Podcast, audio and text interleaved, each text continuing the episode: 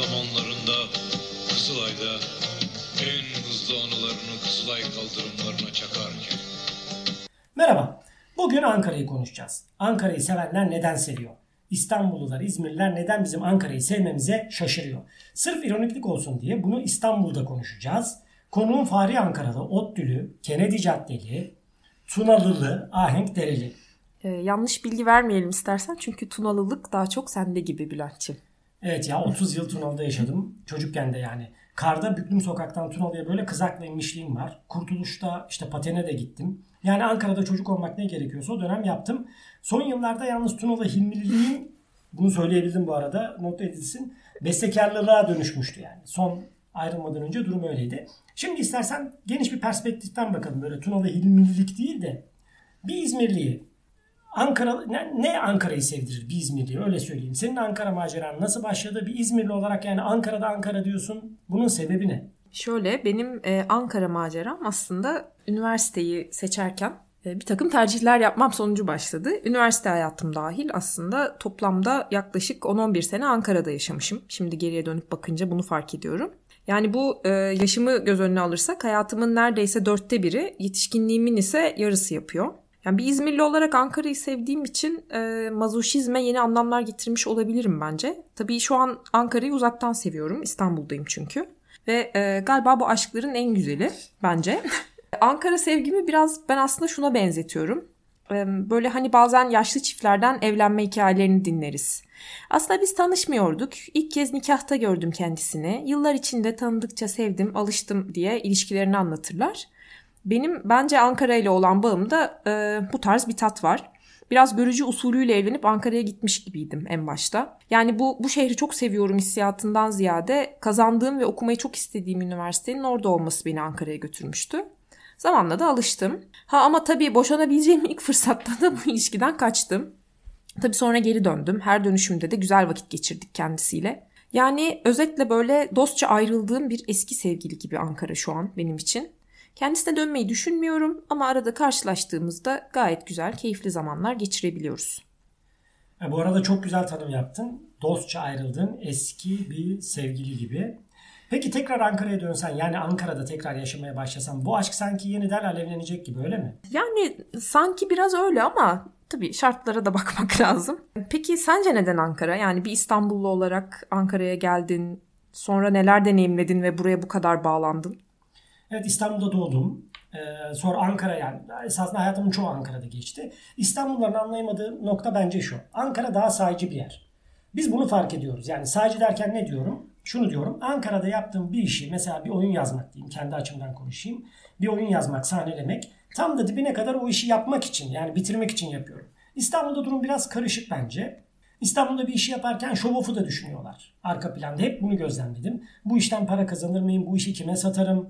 Bu iş beni nasıl gösterir? Yani bu iş üzerinde nasıl durur gibi bir çekince var İstanbul'da. Arkada sürekli yani başka programlar çalışıyor. Bu açıdan bakınca Ankara sanki böyle amatör ruhla profesyonel iş yapılan bir yer gibi geliyor bana. Peki senin Ankara bağını biraz açalım mı? Yani Ankara bağı derken Ankara'nın bağları gibi düşünme. Senin Ankara ile bağın. Ee, yani bence Ankara'nın bağlarını da vurgulamamız lazım ama onu belki sohbetin ilerleyen süreçlerinde bir şekilde anlatırız. Yani benim Ankara'da üniversiteye gitmiş olmam aslında şehirle bağımı oldukça sağlam ördü. Ankara'daki ilk aylarımda sıkıldığımı hatırlıyorum tabii ki. Yani yollar hep Kızılay'a çıkıyordu veya her tarafın böyle sadece bir kara parçasından ibaret olması falan bana çok tuhaf geliyordu. Mesela Kulu Park'taki e, kuğulara bakıp o küçücük e, gölün içindeki o daha da minicik kara parçasının üstünde böyle kış günü eksi 30 derecede birbirlerine sokulduklarını falan görüp böyle ya bunlar nasıl depresyona girmiyor bu hayvanlar nasıl birbirlerini yemiyorlar diye düşündüğümü falan da hatırlıyorum. Yani tuhaf bence birçok açıdan ama diğer yandan şehir beni böyle sürekli olarak değişik şekillerde de şaşırtıyordu.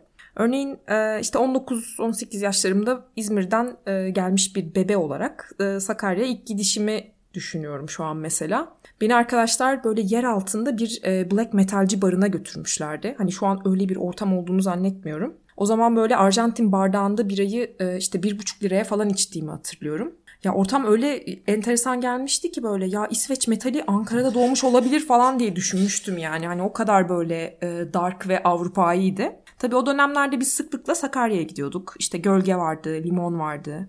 Ortam sonrasında e, dolmuşla yurda dönüşler çok eğlenceli oluyordu. Güven Park değil mi? ODTÜ'ye dönüyordunuz. Tabii ki evet. Yani o dolmuş durakları bence e, anlatılmaz yaşanır alkol, yani. Alkol kokulu Güven Park minibüsleri değil mi? Evet evet yani böyle bir de kış günü falan binersin ona. E, o daha da enteresan oluyordu. Yani ben böyle hem üniversite döneminde hem de öğrencilik sonrasında Ankara'da iş için yaşadığım zamanda gece dışarı çıktığımda e, programın böyle çok ender olarak planladığım şekilde akıyordu. Yani böyle hiç beklenmedik anlarda e, türlü abukluğa veya garip karşılaşmalara denk geliyordum. E, genelde de böyle bu durumlara çok gülüyordum. Yani Ankara kafası insanı değişik etkiliyor. Bu yüzden aslında Ankara'yı ben hiçbir zaman sıkıcı bulmadım. Bir de Ya, zaten Evet öyle bir sıkıcı Ankara e, diyenler çok oluyor. Ben de sıkıcı bulmuyorum. Sence neden sıkıcı değil? Ya bir laf var sadece sıkıcı insanlar sıkılır diye. Ben de aslında Ankara'ya sıkıcı diyenlerin esasen kendilerinin biraz sıkıcı olduğunu ve az önceki muhabbete de atıfla yani bu insanların Ankara'da bir kere bile gece dolmuşa binmediklerini düşünüyorum. Çünkü böyle hani en basitinden dolmuşa ilk girdiğinde o gece saatinde araca mı bindim, pavyona mı geldim böyle garip garip sorgulamalar yaşıyor insan. Yani böyle bir algı kırılması olabiliyor. Ee, işte kırmızı, mor ışıklar, parlak süsler, bir yandan dolmuşçu basıyor. Gece yarısı böyle saatte 90 kilometre hızla giderken aniden gelen bir fren oluyor veya bir sağa dönüş hissi yaşıyorsun. Yani sanki böyle pavyon kılığında bir uzay aracıyla ışık hızına çıkma etkisi oluyor. Ya şey gibi değil mi bu? Gaye Su Akyol e, klibi gibi değil mi yani? Ankara'da Güven Park'tan gece sarhoş dolmuşa binmek. Bana öyle geliyor.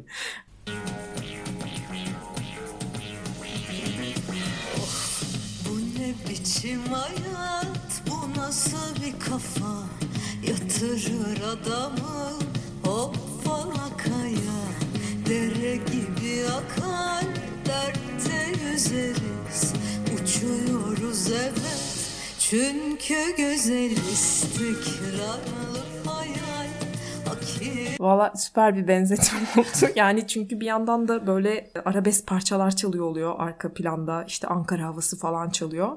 Yani dolmuşlar ayrı bir muhabbet zaten de bir de Ankara'da arayıp bulanlar için yani burayı özellikle vurgulamak istiyorum. Çünkü Ankara'yı sevmek için e, birazcık çaba gerekiyor. Çok acayip alternatif mekanlar da vardı. Mesela Club 20 diye bir yer vardı. Ee, Konya yolundaydı. Yani ben böyle bir ortamı bırak Türkiye'yi Avrupa'da ya da hani e, gezdiğim diğer ülkelerde bile görmedim. Bir kere de böyle galiba 2001 yılıydı. Gündüz araba yıkamacısı olan bir mekanda gece bir partiye gitmiştim. Ama dediğim gibi bu neredeyse 20 sene önce. Ee, bunları liseliler bilmez diyorum Bülent. Bilmez diyorsun evet. Peki. Yalnız benim de burada girmem gerekiyor. Çünkü rockçı arkadaşlarım burada girmezsem beni döverler. Nickies, Graveyard, Roadhouse. Bak buraları da unutmamak gerekiyor. Buralarda ne Unforgiven'lar söylendi. Ne Hey Teacher Leave the Kids Alone diye böyle sarhoş sarhoş bağırıldı. İşte herkesin elinde bira bardağı Bohemian Rhapsody'de Bismillah diye yardırdığı dönem. Yani İngilizcemiz de zayıf sadece Bismillah biliyoruz. Oraları yardırıyoruz o dönemlerdeydi. Peki şu Club 20'yi bir açar mısın? O oralarda bir şeyler var sanki. Ya Club 20 işte böyle dışarıdan siyah boyalı penceresiz bir bina yani yol üstünde hiç böyle dikkat çekmiyordu. E, ama hafta sonu akşamları özellikle çok acayip böyle e, DJ'lerin geldiği, enteresan partilerin olduğu bir yerdi. Benim hatta herhalde böyle club kültürünü falan e, ilk gördüğüm yer olabilir yani ve bunu Ankara'da yaşamak da enteresandı. Hani böyle çok nasıl diyeyim cinsel her türlü cinsel yönelime çok açık bir yerdi. Yani orada böyle kıvrılan yağlı dansçıların yılanlarla falan dans ettiklerini hatırlıyorum. Evet Ya- abartmıyorum Yağlı zenci yani. var mıydı? Yağlı zenci varsa inanırım. Ee, Bazı akşamlar vardı bence ama ben genellikle beyazlara denk geldim.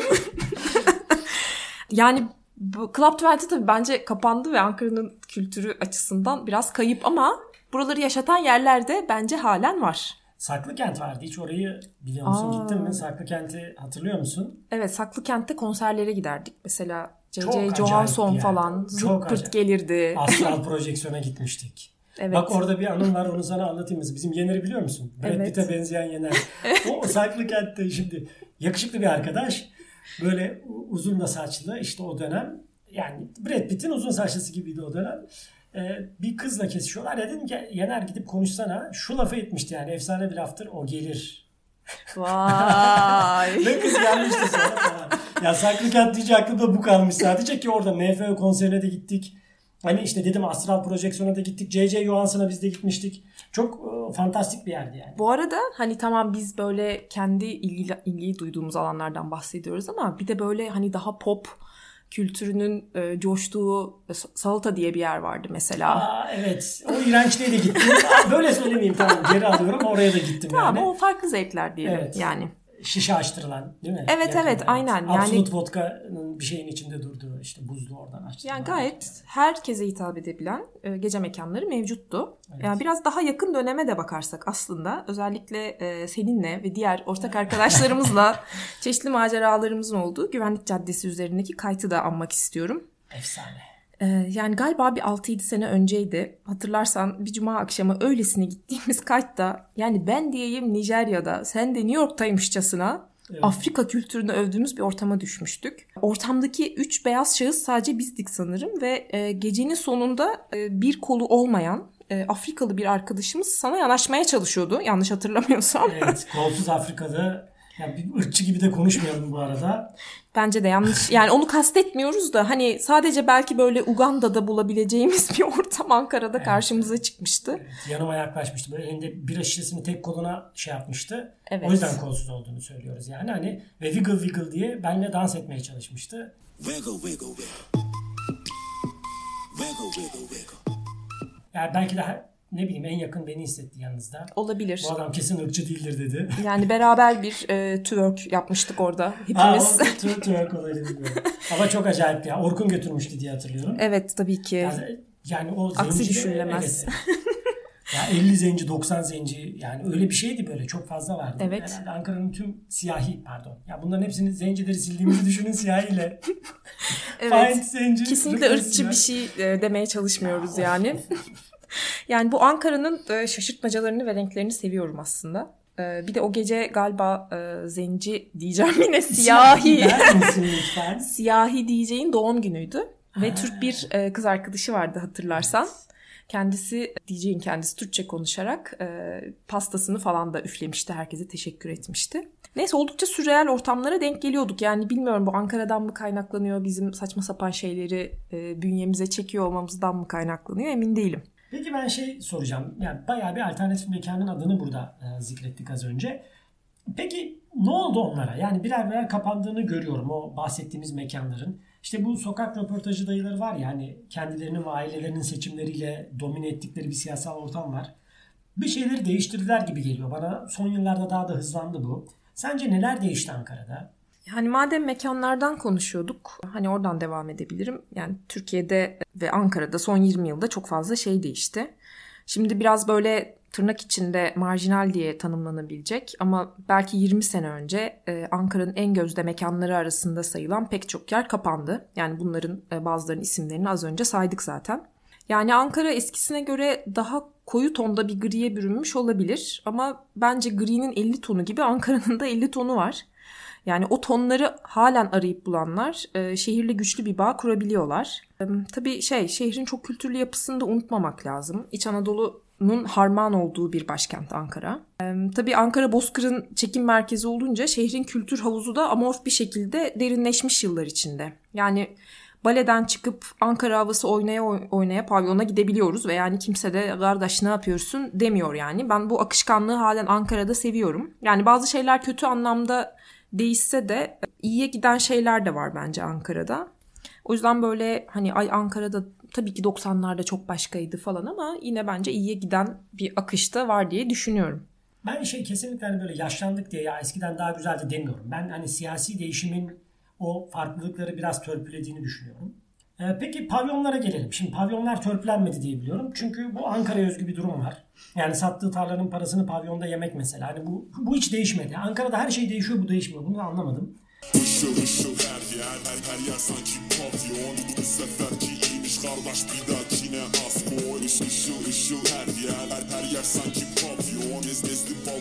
Şimdi pavyona giden biri olarak da şunu belirteyim. Yani pavyona giden derken pavyona gitmiş.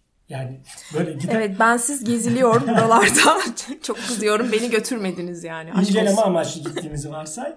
Ya şimdi mesela şey vardı. Bizim Timur'la Erdi, ya 2-3 kere gittim. Hep Timur ve Erdinç'le gittim aslında bunlara. Timur abiyi biliyorsun. Tabii ki. Bir janti takımı vardı onun hatırlıyor musun? Böyle hani bir maaş gömüp aldığı. Evet. Ve işte bir gün gittik öyle böyle proyla falan Timur abiyle. O pavyonda da böyle bir gerçekten güzel bir orkestra vardı. Böyle bir müzik çalıyor. Müzik bir an durdu böyle. Timur abi elinde prosu o işte e, bir şeylik maaşlık takımıyla böyle orada alkışlamaya başladı.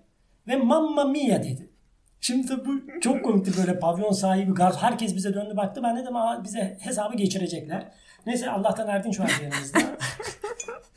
Onu da her girdiğimiz yerde tanıyorlar. Yani Erdinç tamamen bu pavyon kültürünün esas keşke burada olsa konuşsa. Yani şey e, bize detaylı bir şekilde anlatabilirdi. Şimdi tabii bu pavyonların da böyle semte göre değiştiğini biliyorum. Mesela Çankaya bölgesinde lan pavyona döndük konu şu anda. Evet. Ankara olunca kaçamıyorsun abi. Ama de. Çankaya bölgesinde hani böyle Rus revilerin olduğu pavyonlar vardı böyle. Mesela şey hatırlıyorum yani mesela Timur'un ya işte Rusya'da kriz çıkınca o çok güzel oldu falan diye düşündüğünü hatırlıyorum. Yani bir, en azından bir e, arz gelecek buraya doğru diye düşünüyordu. Tabii türkü bar gibi pavyonlar da var. Mesela o şey bu tarla satan abiler hani Türkçeyi de zor konuştukları için hani Ruslarla hiç anlaşamıyorlardı belki. O yüzden oralara gidiyorlardı. Çok değişikti yani. Onu söyleyeceğim. Peki sen ne diyeceksin bu konuda? Yani bir Ottüle hanımefendi olarak pavyonlara ne kadar ya uzaktan baktınız ama hani hiç gittin mi ya da ne düşünüyorsun? Ben Ankara'da pavyona gitmedim. Ama gitmeyi çok istedim. Fakat işte arkadaşlarımın beni götürmesi daha uygun olurdu diye düşünüyorum. Tek başıma pavyona gidemeyeceğim için. Öyle bir imkanım olmadı. İstanbul'da bir kere gitmiştim ama Ankara'daki pavyon kültürünü birazcık daha çok hani YouTube videoları üzerinden e, takip ediyorum. Yani orada bence nasıl diyeyim yani ülkenin genel bilinçaltının meme yaptığı yerlerin e, bu pavyonlar olduğunu düşünüyorum. Ankara pavyonları. Yani İç Anadolu'nun da biraz böyle ülkemizin genelinin temsili gibi olduğunu varsayarsak yani ayrıca incelenmeleri elzem hatta galiba bu konuda bir belgesel de yapılmıştı. Yani bence Red Light District hissini yaşamak için Amsterdam'a gitmeye gerek yok. Herhalde bir pavyona da e, gidebiliriz diye düşünüyorum. Tabii bu arada bu kültürel e, duruma değinmişken ben açıkçası insanların Ankara'yı İstanbul'la veya İzmir'le kıyaslamasını hiç anlamıyorum. Yani Ankara'yı bence İç Anadolu'daki diğer şehirlerle mesela Çorum'la ya da Yozgat'la karşılaştırmak lazım. Ya tabii kimseyi kesinlikle rencide etmek istemiyorum ama bu iki şehrimiz gerçekten görmeden önce ölünmesi gereken yerler arasında olabilir. Katılıyorum. Ee, bölgedeki diğer şehirlerle karşılaştırınca e, Ankara'nın aslında İç Anadolu'da bir vaha olduğunu çok daha net görebiliyoruz.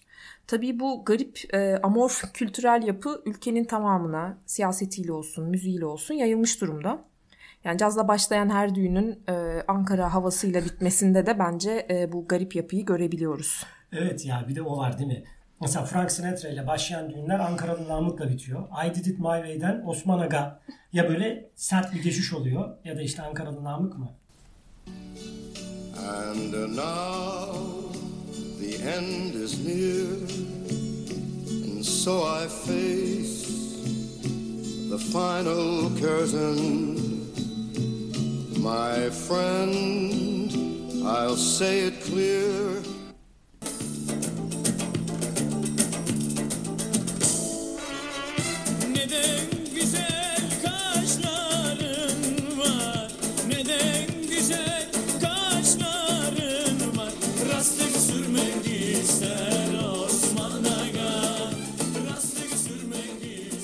sence bu Ankara müziğinin sırrı? Yoksa Ankaralılarda mı var bir sorun?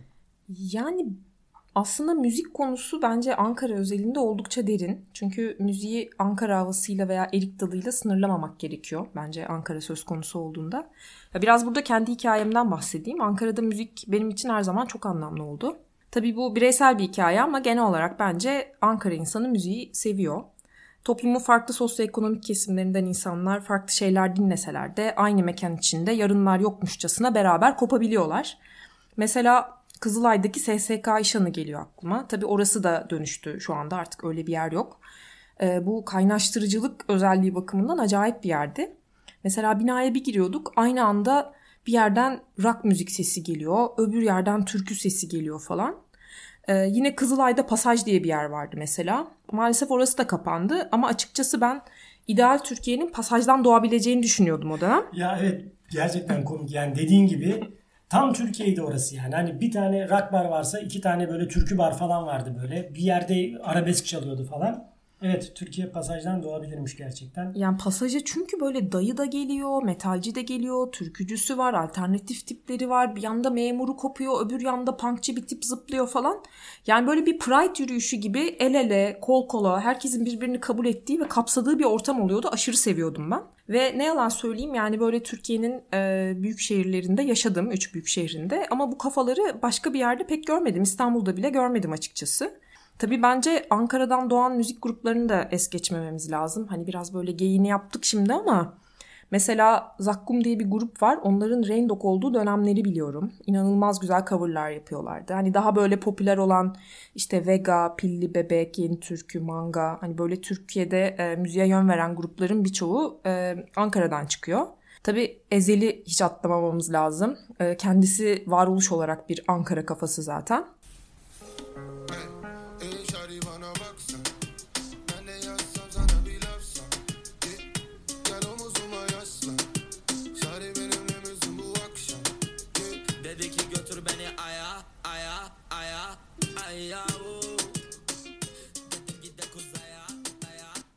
Bir de Ankara müzisyenleri acayip bir kafada oluyorlar. Ee, mesela galiba 2013-2015 dönemiydi. Ee, Kızılay'da Noxus diye bir mekan vardı ve her pazartesi akşamı orada jam session'lar oluyordu. Yani öyle bir ortamdı ki bu orada dinleyebileceğiniz müzisyenleri ancak belki New York'ta, Brooklyn'de falan bulabiliyordunuz. Ama acı olan şey şuydu. O Türk müzisyenler de türkü bar mesailerinden çıkıp jam session'a geliyorlardı yani. Hani çünkü geçim derdi var ve bu arkadaşlarımızın çoğu şimdi İstanbul'da. Ben hepsini buradan saygıyla selamlıyorum açıkçası. Ya evet ya Türkü Bar'dan Jam Session'a çok Evet. enteresan. Evet. Yine e, Ankara'nın değişik e, kültürel kaymaları yani bu. E, ya bir de ilginç bir detay var. Ankara'dan da İngiltere'ye uzanan bir punk yolu var aslında. E, The Clash diye bir grup var. Belki dinleyenler bilir. E, vokali e, Joe Strummer 1952 yılında Ankara'da doğmuş aslında. Ve ortaokula kadar da Mamak'ta yaşamış. Çünkü babası İngiliz bir diplomat. O dönem Ankara'da görevli. Yani belki Joe Strummer bilinçaltında taşıdığı bu agresif Ankara kafasını İngiliz punk'ına yansıtmış olabilir diye düşünüyorum. Joe Strummer'da yani Joe Drummer'a az kalmış Ee, ve babasının da diplomat olup Mamak'ta yaşaması bu da ayrı bir bilgi. Yani bu bilgi de çok değerli bence. Ya evet böyle dişince garip şeyler çıkıyor gerçekten. Peki şimdi e, bir şey söyleyeceğim. Ankara'da aşık olmak. Gözleri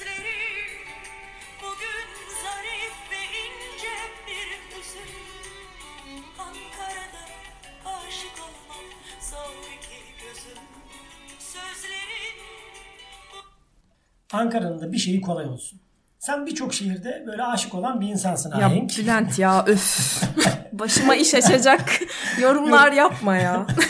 Tamam peki bazı şehirlerde, az şehirde, tamam, Tamam. peki öyle diyelim. seçilmiş şehirlerde. diyelim. Daha güzel oldu.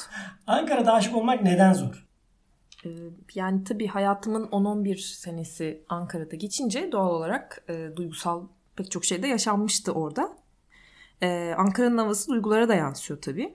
Ya mesela Ankara Ayazı'nı düşünelim. Ya bir laf var. Biz İstanbul Boğazı'nda değil Ankara Ayazı'nda sevdik diye. Yani- Oo, güzelmiş. Yani bu açıdan Ankara'da aşık olmak zor iki gözüm. Çünkü bir kere kış günü sevgilinle buluştuktan sonra eksi 20 derece hissedilen Ankara ayazında yarım saat doğmuş beklemem falan aklıma geliyor. Ee, yani bunlar hep insanı şair yapan, olgunlaştıran acılar, deneyimler bence bana kalırsa. Bir de Ankara'da böyle sevgiliyi işte me- metro yok tabii o zaman. Şey dolmuşa bırakmak, otobüse bırakmak, bir yere bırakmak falan gibi durumlar vardı. Hani senin de başına geliyor muydu bilmiyorum. Böyle bir acayip bir ulaşım aracına sevgili bırakmak diye. Belki İstanbul'da da vardı da Ankara'da daha çoktu sanki. Hani böyle sürekli birini görürdük. Sevgilisine el sallar. İşte o mavi otobüse bindirir, kırmızı otobüse bindirir vardı. Evet çünkü belki işte o Güven Park'ta dolmuş duraklarının olması, otobüs duraklarının olması yani böyle daha kümelenme oluyordu galiba. Sevgililerin birbirlerinden ayrıldıkları noktalarda İstanbul çok daha büyük yani bunu her yerde göremiyoruz. Bir de Ankara'da hüzün güzel yaşanıyor bence. Çünkü kaçabileceğin, kafayı dağıtabileceğin yani pek bir yer yok. Aydınlanmak ya da böyle acılarını aşmak için Tibet'e gitmektense yani bir kış gecesi bence Kızılay'da mekandan çıkıp içip içip bir de böyle 30 dakika dolmuş beklemek ve oradan eve ya da işte öğrenciysen yurda ulaşmaya çabalamak falan gayet aydınlatıcı bana kalırsa. Evet ya Ankara'da gerçekten zor yani. Evet. Aşık olmak zormuş. Şimdi inandım yani. Evet bir kış günü. Yani acıdan geçerek büyük bir özgürleşme sağlayabilirsiniz bence. Acı derken tabii Aspava'da acılı Adana da yenilebilir gibi. E, neyse burayı belki kesersin Bülent'ciğim bilmiyorum. Bu arada tabii aydınlanma demişken bence Aşti de aydınlanma yaşamak için harika bir yer. Yani şehirler arası e, otobüs terminalinden bahsediyorum. E, Orada böyle garip çığırtkanlar oluyor. Yani her otobüs şirketi kendisine bir şekilde yolcu çekmeye çalışıyor ama yani zaten Aşti'ye gelmiş bir insan İstanbul'a, Ankara'ya, İzmir'e, Diyarbakır'a nereye gideceğini biliyor yani. Ama böyle bir anda abla Çorum, abla Yozgat, Yozgat abla falan diye önüm kesiliyordu yani. Neyse belki bir gün bunu şey yaparım, e, denerim. Yani kendimi böyle akışa bırakırım. İlk çığırtkan nereyi teklif edecekse oraya bir yolculuk yapabilirim belki. Aşktan aş diye gelmen de güzel. En Güzel. azından ilk iki harfi uyuyor diyorsun. Peki insanlar konusuna geri gelelim. Şimdi bilmiyorum bu ironiyi yapan başka biri var mı ama benim isim yani. Bu benim isim. Ben şöyle tahayyül ediyorum. Şimdi bir şehrin damarları, sokaklar, mekanlar, işte binalarsa insanlar da şehrin kanıdır diye düşünüyorum. Niyeyse böyle işte hayata Güzel. bırakacağım bir ironi varsa bu olsun. Çok iyi bir metafor. Metafor evet. Daha güzel oldu. İroniden daha güzel oldu. Ankara insanından konuşursak. Yani bizim çevremizdekilerden diyeyim. E, İstanbul'a göre bana daha naif geliyor Ankara insanı. Sen de öyle düşünmüyor musun? Yani Ankara insanını nereye koyuyorsun? Yani benim hem Ankara'da tanıştığım hem de Ankara'nın dışında Türkiye'nin çeşitli yerlerinde hatta bazılarıyla böyle yurt dışında tanışmıştım. Ee, Ankaralıların birçoğunda gerçekten o böyle naiflik, samimiyet var diye düşünüyorum. Yani bu biraz insan ilişkilerinden kaynaklanıyor Ankara'daki. Ee, çünkü şehir çok matah bir yer değil ve şehri sevmek için özel bir çaba gerekiyor. Yani insanın bence e, evrimsel psikoloji tarafından yapısına bakacak olursak yani sosyal bir varlık olarak Ankara'da da insan e, kendi kabilesini kurmaya çalışıyor genellikle. Yani bu şehri sevebilmek için, şehirde var olabilmek için. Yani biliyorsun İç Anadolu zaten Neolitik dönemin önemli merkezlerinden biri yani. Bence Çatalhöyük kültürünü halen Ankara'da e, yaşıyor olabilir Bir insanlar. anda belgesele döndün ya. Böyle Öyleyim. Bilimsel konuşmayı çok severim. Ee, yani bence bu yüzden Ankara arkadaşlık bağlarının halen güçlü olduğu, yani kabilesi iyi olanın kaliteli hayat sürebildiği, sağlam ev partilerine davet edilebildiği bir şehir. Ya çok güzel anlattım ha. Kabilesi iyi olan sağlam ev partilerine gider gibi. Yani böyle bu arada güzel iş dönüyor. Vay arkadaş. Metaforlar metaforlar. Evet ya gerçekten metafor seli. Metafor içinde kaldık. Yani Ankara bu anlamda kolektif aktivite yapmak için harika bir yer. Tabii plan yapması da İstanbul'a göre daha kolay. Seçenekler az, ulaşım daha basit. İşte karşıdan gelemem, vapura yetişemem, metrobüs raydan çıktı, köprüde tıkandım ki bizim yaklaşık yarım saat önce yaşadığımız e, benim kaybolma hikayem gibi dertler yok.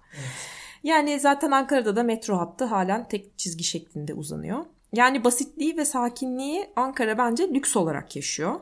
Gidecek yerler az olduğu için kafaca anlaştığın pek çok insanı haftanın belli günlerinde böyle belli yerlerde görebiliyorsun.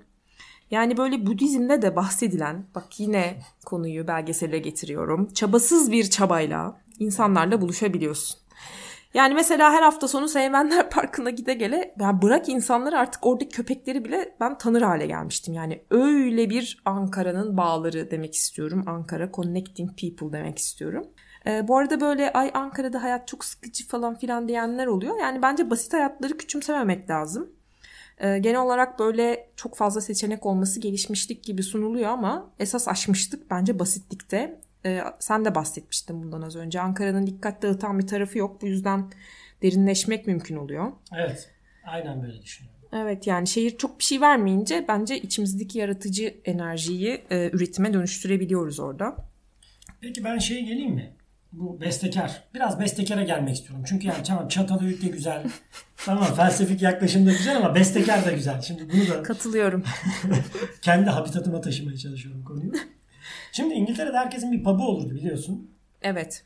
Ben de master orada yaptım. Yani benim de bir Evet, pub'um de vardı. Çünkü öyle yani okula kayıt yaptırıyorsun sonra gidip pub'a kayıt yaptırıyorsun gibi bir durum vardı. Şimdi Bestekar ve Kennedy'yi de böyle görüyorum. Buradaki barların sıcaklığını da ona benzetiyorum. Özellikle de Sakalı. Sakalı bir parantez açmamız gerek. Kesinlikle. Hani çok giderdik. Ben mesela bir ara böyle her cuma cumartesi gittiğim bir mekandı. Buluşma yerimizdi ya. Buluşma yerimizdi evet. Bir de tabii şey vardı. Sakalın şekilli garsonları.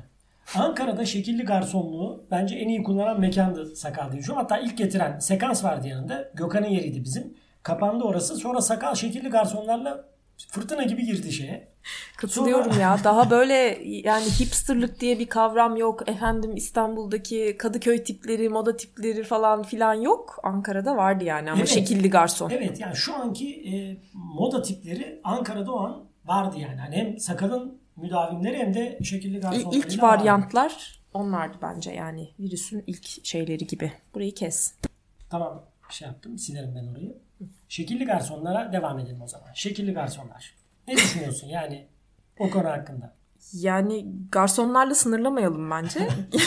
yani ben hayatımda karşılaştığım en ilginç insanların çoğunun Ankara'da yaşadıklarını düşünüyorum. Yani garsonu, memuru, başka türlü e, meslek grubundan herkes. Kimi Hepsi şekil. biliyoruz değil mi? Evet o Kimi- kişiler de kendilerini biliyorlar. Bunu dinliyorlarsa eğer. Buradan Zanzibar'a bir selam yollayalım. En şekilli Kesinlikle. memura. Evet en şekilli memurumuza.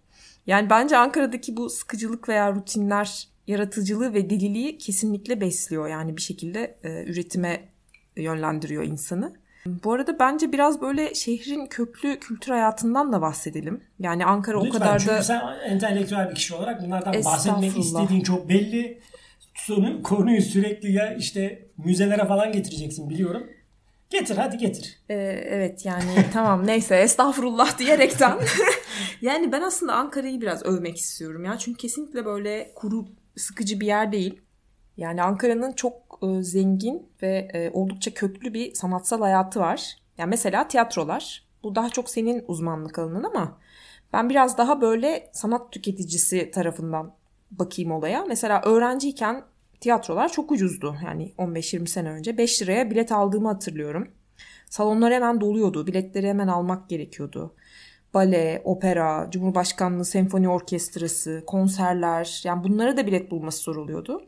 Bir de böyle 10 dakika izleyince hepimize otomatik olarak ağır bohem bir imaj veren sanat filmlerini sürekli olarak gösteren pek çok sinema salonu vardı. Özellikle Kızılay taraflarında. Ya değil mi o beyaz gecelere falan giderdik. Evet. Arka arkaya 2-3 tane böyle şey bağımsız sinema. Evet artık ruhumuzu teslim etme noktasına gelip salondan çıkardık. Fransız yeni dalgası olmuştum yani. Fransız yeni dalgası duyunca böyle Dalga dalga. dalga dalga geliyordu o sinemalar hatırlıyorum. Yani böyle film festivalleri olurdu. Ya hepsine de gidebiliyorduk. Öğrenci bütçesiyle bunları yapabiliyorduk o dönem. Hatta biraz daha böyle yakın bir döneme geleyim. Yani birkaç sene öncesine kadar mesela Ankara'da bir Nordik Müzik Festivali düzenleniyordu. İskandinav ülkelerinden grupları getiren yine aslında e, bu sıkıcılıktan ötürü yaratıcılığa bir şekilde gönül vermiş olan arkadaşlarımız yapıyordu bu organizasyonları. Ya İskandinav deyince ben onları diyeceksin sandım. Sıkıcılıktan ötürü yaratıcıda. Onlarda da öyle bir durum var değil Doğru mi? evet bir Ikea'sı olsun, Volvo'su olsun hep böyle bir inovasyona, yaratıcılığa gönül vermiş arkadaşlarımız hiç da bu arada İsveç ya da Norveç komedi filmi izledin mi? İzlemedim. Çünkü dram onlar. Yani Doğrudur yani evet. Bir- Biraz herhalde böyle dark humor dediğimiz tarzda. Yok humor falan düşünüyorum. yok. Normal bizimkiler gibi hayatları ama gülüyorlarmış onlar falan. Çok üzüldüm şimdi. Yani bence böyle Ankara işte o Ayaz'da İsveç cazını falan dinletiyordu bize yani bu Nordik Festivali'ne tekrar dönecek olursam. Veya böyle çok daha komik, sürreal ortamlar da olmuştu. Yani normal şartlarda New York'ta izleyebileceğim e, bir böyle R&B caz müzisyeni var. Robert Glasper diye. Ya mesela böyle Mep Şura salonunda çalmıştı yani. Yani o falan bana tuhaf geliyor. İşte bir Fransız bir grup var mesela. O da böyle Armada'nın bahçesinde çadırın içinde konser vermişti. Yani hakikaten düşününce bunlar bana şu an böyle çok komik geliyor. Yani bu durum çünkü birazcık böyle Urfa'da Oxford olması gibi bir şey yani. Ama bunlar Ankara'da vardı. Ya bu arada hani sanat deyince ben konuşmayı çok istemiyorum aslında. Çünkü bunlar senin uzmanlık alanın. Özellikle böyle tiyatrolar kısmını birazcık senin açmanı bekliyorum. Şimdi açayım tiyatrolar kısmını. Tabii Ankara tiyatro işte opera ve balede bir numara. Bu çok açık. Yani net bir numara. Tabii bunda devlet tiyatrolarının etkisini yatsıyamıyoruz. Çok iyi iş yapıyor. Sanatı bir kere senin de dediğin gibi hani Ankara diye ucuza sunuyor. Sanat derken işte bu tiyatro ve görsel sanatlardan bahsediyorum. Gidiyorsun DT'ye. İşte dekor muhteşem, kostüm muhteşem, oyunculuklar çok iyi, reji fevkalade. Böyle işleri izleyebiliyorsun. Bunları izlemek için ve çok ucuz bir para veriyorsun. Dediğim gibi 5 lira bilet 10 lira falan. Bunun yanında şimdi gelişmekte olan daha doğrusu son 10 yılda son 5 yılda ivmesi artan, gelişmekte olan bir bölge var. Bu Farabi ve Çevre Sokak bölgesi. Çok Sen- severim oraları bu arada. Evet ama sen Londra'ya gittin ya. Senin Evet. gittiğin dönemde buralar patladı aslında. Kaçırıyorum. Hep Ka- güzel kaçırdın. şeyleri kaçırdım. Evet kaçırıyorsun. Mesela orada işte bir lavare sahne var. Lavare sahne ile La- lavare sokak. Fate Stage Cafe var. Bir de Farabi sahne var. Bu dört mekanda da ben iş yaptım. O, o yüzden biliyorum burayı. Buraları. Ee, Çok sahipleri de çok kafa insanlar. Mesela Fate Stage işte şey yapıyor. Stand-up ve tiyatro yapıyor. Güvercin ve Grişehir komedyenleri var. Arkadaşlarım olduğu için torpil geçeyim bunların isimlerini söyleyeyim. Mesela çok ilginç bir şey söyleyeceğim. Buradan çıkan komedyenlerden İstanbul'a transfer olanlar var. Mesela Deniz Göktaş, Batur Özdemir, Emre Can Odabaş, Salih Tıraş bunlar geleceğin komedyenleri olacak göreceksin ve hepsi de İstanbul'dan, şey Ankara'dan İstanbul'a geldi ve İstanbul'dakilerden daha iyiler. O zaman burada bir şey söyleyeyim. Sen de acaba Ankara'dan İstanbul'a mı transfer oldun stand-upçı olarak ya da bir ben- yazar olarak, bir komedyen olarak bilemiyorum. E, ben- görüyor musun Ben kendini? yok stand-up'ta kendimi öyle görmüyorum. Çünkü ben esas tiyatroyla ilgileniyorum. Stand-up sadece işte şaka denediğim bir yer oluyor. Arada bir e, çıkıyorum tabii. Ama yani benim ya, oturup cidden hakkını vererek yapman gerek. Ne yapıyorsan. Yani bir one-liner bulmak için çocuklar aylarca düşünüyorlar. Bir tane şaka Evet. bulmak için yani ve o da killer şaka olması gerekiyor. Bunu sahnede defalarca denemen gerekiyor stand-up'ta ki çalıştığını göreceksin. Ne benim buna vaktim var ne de Zor. işte evet ne de takatim var diyeyim. Öyle bir durum. Ben uzaktan bakıyorum. Lavare mesela onu ona biraz değinim. O biraz daha üst segment. Mesela Fate Stage Cafe'ye gelenler daha orta sınıf gibi düşünürsen e, Murat bana kızacak ama hepsinin sahipleri Evet de sıkı fıkırlar. ama tabii o da biliyor bunu. Mesela Lavare biraz daha üst segment. Mesela Michelin yıldızlı şefleri var. Bir kere yemek olarak, e, içki olarak, e, oyunları olarak. Mesela benim oyunlarım orada oynadığı için bunu söylemiyorum. ama Tamam. bir tık daha Gizli reklam şu anda. Evet. evet. İşte me- mesela işte sahibi Alper e, bir şeyler deneyebiliyoruz onunla. Ben diyorum ki mesela Murder o dedi bana pardon Murder Mystery yapalım diye ama ben dedim ki mesela işte e, immersive theater yapalım dedim. Kabul ediyor adam. Kafası açık bir adam yani. O yüzden daha da güzel işler yapacağız onunla. O yüzden çok bak heyecanlı ve severek anlattım bu Evet. konuyu ve en sıkıcı yer oldu herhalde ama. Peki daha spesifik olalım. Çankaya bölgesini anlatıyorum. Aslında ben seninle konuşmamızda sen ne kadar böyle pasajlara ve vesaire hani Ankara çevresine mamak falan desen de ben genelde Çankaya'da ve 30 yıllık Ankara'da olmama rağmen Çankaya'da sıkıştım. Geçemiyorum bunu. Ve işte bu konuyu bir an önce atlamak için şöyle yapayım. Yemeklere getireyim konuyu. Şimdi boyoz mu Ankara simidi mi? Atatürk Orman Çiftliği dondurması mı yoksa ne bileyim İzmir Roma dondurması mı? Bilmiyorum ne, ne dondurması var. Ya biliyorsun şimdi bir İzmirli olarak yani biz e, simide gevrek diyoruz. Ama tabii ki Ankara simidinin de başka bir kafası var, başka bir yeri var. Ama bence Ankara simidi yani. Hani İzmirli olmama rağmen bunu söyleyebiliyorum. Dondurması. Aoçe'yi severim. Dondurmayı severim evet. Yani böyle bir lo- lokal üretim olarak bence oldukça başarılı. Ee, en kaliteli, en taze balık Ankara'da yenir diye bir geyik var. Evet öyle. Onun kaynağını bilememekle beraber herhalde Samsun'dan falan hızlıca Karadeniz'den çok hızlı geliyor. geliyor. Evet yani kanıtlayamadığım e, bir takım teoriler bunlar aslında ama efendim döneri güzel Ankara'nın. Onun dışında bence Aspava bir kesinlikle Aspava burada anılması gerekiyor. Yani. Yani artık hangi Aspava orijinal, Esat'taki mi, başka bir yerdeki mi falan. Bunun dışında Ankara'da yemek konusu senin aklına gelen bir şeyler var mı? Saymadığımız, atladığımız bir şey var mı? Şey var işte Ankara'nın armudu var. Ne bileyim. Hayır. Domatesi vardır. Do Ayaş'ın domatesi tamam var. sen. Ee, iyice emekli muhabbetine bağladık. Evet tamam. Peki tamam. Şimdi ben Ankara ile ilgili bir şey söyleyeceğim. Ben Ankara şey geliyor. Hani şarkılardan, şiirlerden, edebiyattan falan gözlemlediğim ve gerçekten de gözlemlediğim ya gelinen ya da gidilen bir şehir gibi geliyor. Yani end up olmayacağım bir şehir. Şimdi emeklilikte Ankara hayali yok mesela. Ankara'da emekli olsam ne güzel olur gibi bir emekli hayali hiç duymadım. Şarkılarda dedim ya işte Ankara'dan abim gelmiş. Aşkımı Ankara rüzgarına söyledim o gitsin söylesin.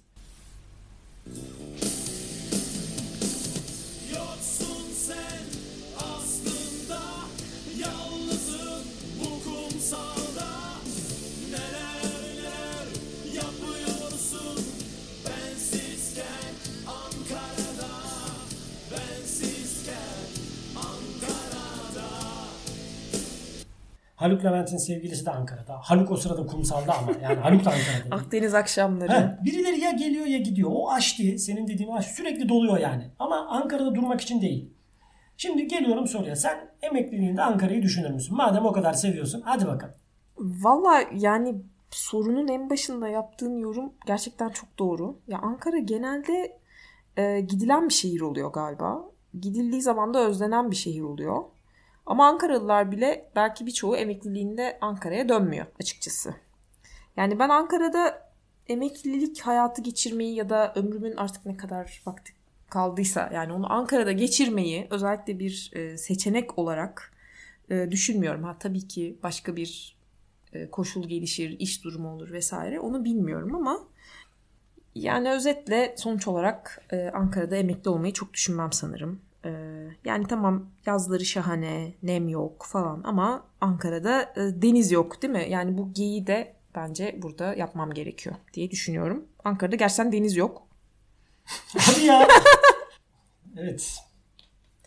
Ama göl var bence. Yani bu önemli bir nokta. Yani özellikle bir nokta var Ankara'da. Oradan bakınca iki göl birden görülebiliyor. Yani İngiltere'de olsa aman ne güzel göller yöresi deriz ama Ankara'da olunca övmüyoruz maalesef. Peki havasına ne diyeceksin? Şimdi gerçekten yazlar sıcak ve kurak, kışlar soğuk ve yağışlı mı ki böyle de bir İzmirli olarak ne diyeceksin?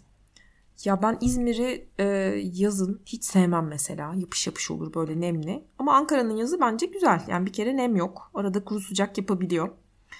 E, çok sevdiğim bir arkadaşım var. E, kendisi diyor ki hani bu nem yokluğu e, renk algısında bir farklılık yaratıyor. Yani bunu da İstanbul'dan Ankara'ya geldiğinde anladığını söyledi bana. Yani cidden öyle. Nemsiz yerde böyle maviler daha mavi, yeşiller daha parlak oluyor. Yani renkli çamaşır deterjanı gibi bir hava var bence. Yani bence Ankara'nın grisi meşhur olsa da e, şehirde özellikle baharda ve yazın renk patlaması yaşanıyor. Yani böyle gereksiz e, gözlemlerime de giriyorum ama e, zaten Ankara'nın bu havasının duygulara yansıdığını söylemiştik. İşte kışın ne kadar zor geçtiğini e, birazcık anlatmıştık az önceki muhabbetlerde. Evet. Şimdi sen dönem dönem İstanbul'da da oldun. Ben de öyle. İki şehri de yaşadık aslında ikimiz de. Hadi bir karşılaştırma yapalım. Çünkü bu artık şart gibi. Ne diyeceksin? Nasıl başlayacaksın? İki şehri karşılaştır dersek, iki şehrin hikayesini bize nasıl anlatacaksın? Yani aslında az önce söylediğim şeyi belki tekrar vurgulamak güzel olabilir. Yani Ankara'yı belki İstanbul'la değil de işte Yozgat'la falan karşılaştırmak lazım ama hani büyük şehir olarak düşününce bir, Bir kere dakika şimdi burada Ankara'yı övüyoruz da sen niye Yozgat'la karşılaştırıyorsun? İstanbul'la karşılaşacaksın. Ben baştan hani programı yapacağım amacımıza çaktım. ya evet işte bilmiyorum yani bence bu Ankara ile ilgili karışık hislerimin de güzel bir ifadesi oldu. Yani İstanbul bir kere böyle kendini hazır ve açık şekilde sunan bir şehir her zaman. Ee, yani böyle İstanbul'un her yerine yabancı birisi de olsa hemen öğrenebiliyor ama Ankara'nın bilmediğim bir yeri mutlaka kalıyor. Bence Ankara'daki bu gizem şehri şaşırtıcı kılıyor. Heh, buradan gir, buradan gir. Evet yani Ankara kendisini hemen açmıyor böyle yavaş yavaş yani nazlı.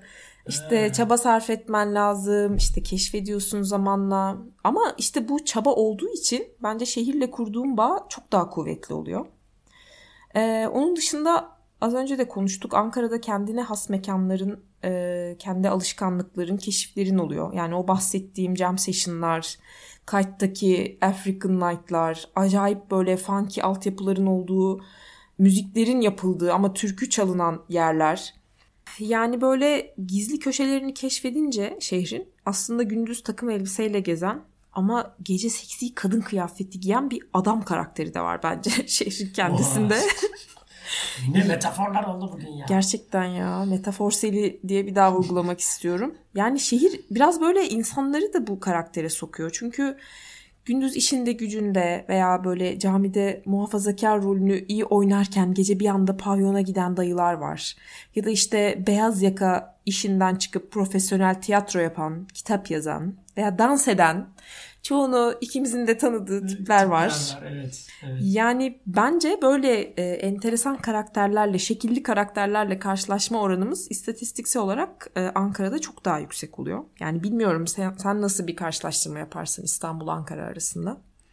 Ya insanlardan çok konuştuk. Karşılaştırma olarak ben hayvanları karşılaştırayım. Mesela Ankara hayvanları. İstanbul'da tamam martı kedi var. Ankara'da ne var mesela? Sana sorarak başlayayım. Yani Ankara'nın en meşhur hayvanı bence dinozor. O da doğru.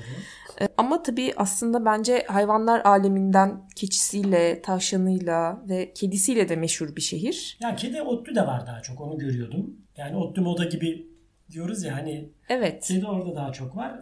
Tiftik keçisi hiçbir yerde yok. Hiç görmedim sadece. Ben de görmedim. Ve şeyden böyle mermerden yapmışlar.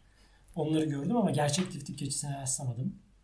Tavşanı var. Ben de tavşan görmedim. Mesela Seymenler'de dediğim gibi çokça e, köpek var. Hani onu da bir Ankara hayvanı olarak sayabilir miyiz bilmiyorum. Hakim ben aksi yine kaydırıyorum. Bambaşka bir konuya geçeceğim. Şeytanın avukatlığını yapayım. Şimdi o sevdiğimiz Ankaralılık aslında Çankayalılık mı? Ümitköylülük belki. Biraz da Ümitköylülük olabilir. Yani Cumhuriyet'in Ankara'sı. Mesela Sincanlılık değil. Yani ben kendi açımdan konuşuyorum yine. Çünkü yaşadığımız, sevdiğimiz aslında o anlattığımız şey burada bu kadar 40 dakika anlattığımız şey aslında Çankaya. O semt ırkçılığımı alırım bir dal falan diye böyle düşünenler olabilir. Öyle demek istemiyorum. Yukarı ayrancı. Ne? Ankara diyorum. Avucumun içi gibi bilirim. Yukarı ayrancıdan mısınız? Hayır. Aşağı ayrancı. Hayır kardeşim. Ortada hani bir tane park var oradan mı? Ankara'da. Hayır kardeşim hayır. Fikri benim adım. Ama Türkiye de sanki biraz o yöne evrildi. Yani İstanbul düğün deyince mesela biz Kadıköy modayı konuşuyoruz. Cihangir'i konuşuyoruz. İzmir'de bile işte Bostancı, Alsancak konuşuluyor. Böyle bir şey sen de hissediyor musun? Yani semtlere mi döndük acaba? Yani biraz kendimizi semtlere sıkışmış olarak mı görüyoruz? Yoksa mesela sen tebessüm şehri Pursaklar'a gider misin? Aa burası da Ankara, burada da çok güzel Cem Se- Seçkin dinledim diyebilir misin yani Pursaklar'da? Tabii Kızılay'da o insanları görebiliyorduk dedin. Ama mesela onlar Sincan'ın belki marjinalleriydi. Sincan'a gidince belki dayak yiyorlardı onlar. Kursaklarda belki dayak yiyorlardı. Bir de şey söyleyeceğim. Bunları hakkında ne düşündüğünü tabii merak ediyorum. Çukurambar'ı bir konuşmak istiyorum. Çünkü bu muhafazakarların tercih ettiği kafeler var Çukurambar'da biliyorsun. Çukurambar erkeği diye bir şey girdi literatüre. Bak onu duymamıştım. Ha, işte bu şöyle bir şey. Pahalı cep telefonu, tespih, BMW anahtarlığı, nargile. Şimdi bu adamlar Çukurambar erkeği ve bu muhafazakar bir tip. Şimdi bu bahsettiğim işte tebessüm şehri Bursaklar'daki vatandaşları ne diyeyim insanları bu muhafazakar işte Çukurambar erkeği dediğimiz kişileri neyse şimdi şey yapamıyorum toparlayamıyorum da bunları nereye koyuyorsun? Bunlar senin Ankara'nda var mı? O bahsettiğin güzel o romantik Ankara'nda varlar mı? Varlar elbette de. Yani biraz bu noktada muhabbet şeye geldi yani. Ankara insanın kendine yakışanı giymesidir. Veya herkesin Ankara'sı kendine gibi bir e, tarafa geldi bence. E, ya tabii ki hepimiz kendi çevremizde maruz kaldığımız Ankara'yı yaşıyoruz yani. Yani bir Sincan'da oturan birisi ya da Pursaklar'da oturan birisi de farklı bir Ankara anlatacak doğal olarak. Ama ben çok kopuk yaşamadığımı düşünüyorum bahsettiğin karakterlerden. Çünkü hem gerek yaptığım iş hem e, hani her gün geçtiğim yollarda falan e, bu tanımladığın e, karakterlerle karşılaşıyorum tabii ki doğal olarak. E, onlar da Ankara'nın bir parçası. Zaten işte bahsettiğimiz bu çatışan kültürler ya da işte pasaja gelen insanlar hani bunların böyle çok çeşitli olması, işte pavyona giden dayının da belki günün bir vaktinde veya onun oğlunun gidip e, nargile içmesi yani hep her alanda karşılaşıyoruz aslında yani bu karakterlerle. O yüzden onları ayıramam. Maruz kaldığım Ankara'yı da aslında bir şekilde renklendiren karakterler bunlar. Belki onlar da onlar bizler diye ayırmak istemiyorum ama hani biraz böyle bir kültürel bir ayrım olabilir orada bu hayat tarzındaki kişiler de belki hani bize baktıklarında farklı bir Ankara görüyorlar. Yani o kaçınılmaz bir şey diye düşünüyorum. Bu Ya, ayrımı yaşamak yani çok Elbette, normal. Elbette yani benim annem işte Beşiktaş çarşı gelmiş diye hani biber gazı yedik diye gezen biri var. Biri de benim bilmem beyin bilir diyen biri var. Kötü Evet. manada söylemiyorum ama bu bu farklılıkları zaten ortaya koyuyor. Ama dediğin gibi o pasajda keşke olsaydık. Yani bu hikaye o pasajda bitseydi. Yani ben çıktığımda atıyorum Rakbar'dan çıktığımda o dayıyı görseydim yani. Pursakların marjinali dayıyı görseydim. Hemşerim bu müzik de güzel ya bir de burada dinleyelim deseydi mesela onunla girseydik oraya. Bunları yapamıyoruz işte. Bu belki biraz. Bu sorun aslında bu yani. Bu ayrılmanın sorunu bu gibi düşünüyorum. Ama Senin bu- dediğin gibi Ankara Türkiye pasajdan çıkacak. Umuyorum Vardı, yani. Vardı ama olmadı maalesef.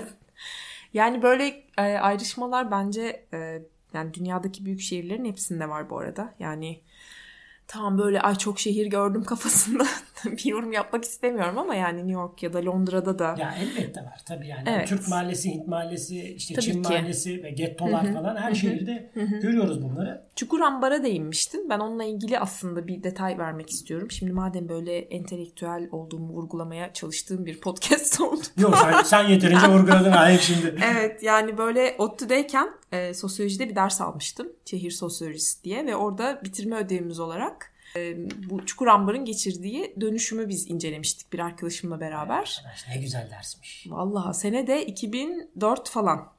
O dönemde daha yeni başlamıştı o kentsel dönüşüm. Ee, yani bir gece kondu mahallesinin sonradan böyle milyon dolarlık e, apartmanlara sahip bir mahalleye dönüşmesi, oradaki tüm kitlenin değişmesi falan enteresandı ve o dönemde zaten işaretlerini veriyordu.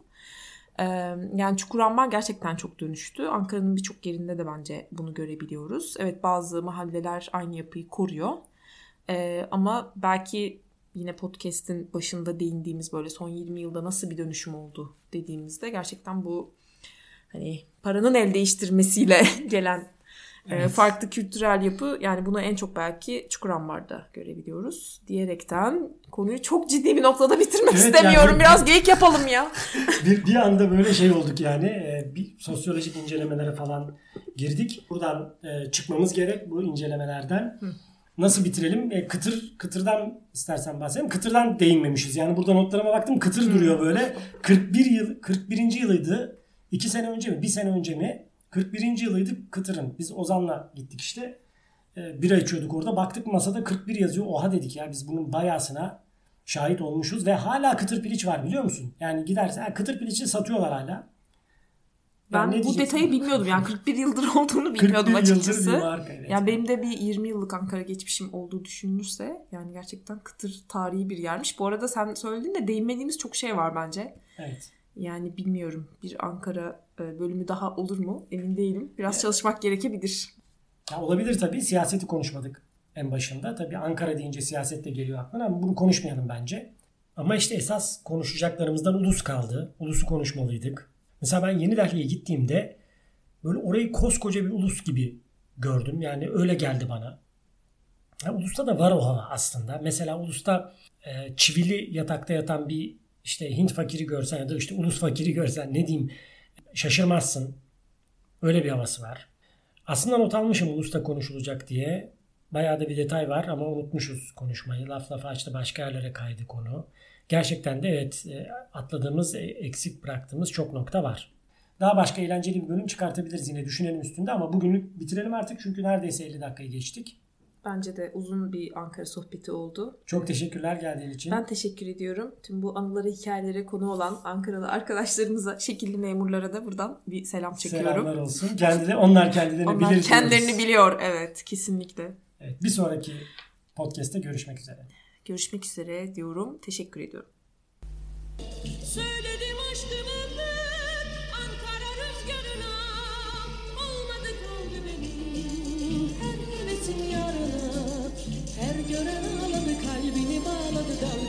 dalgalı saçlarına. Her gören ağladı kalbini bağladı dalgalı saçlarına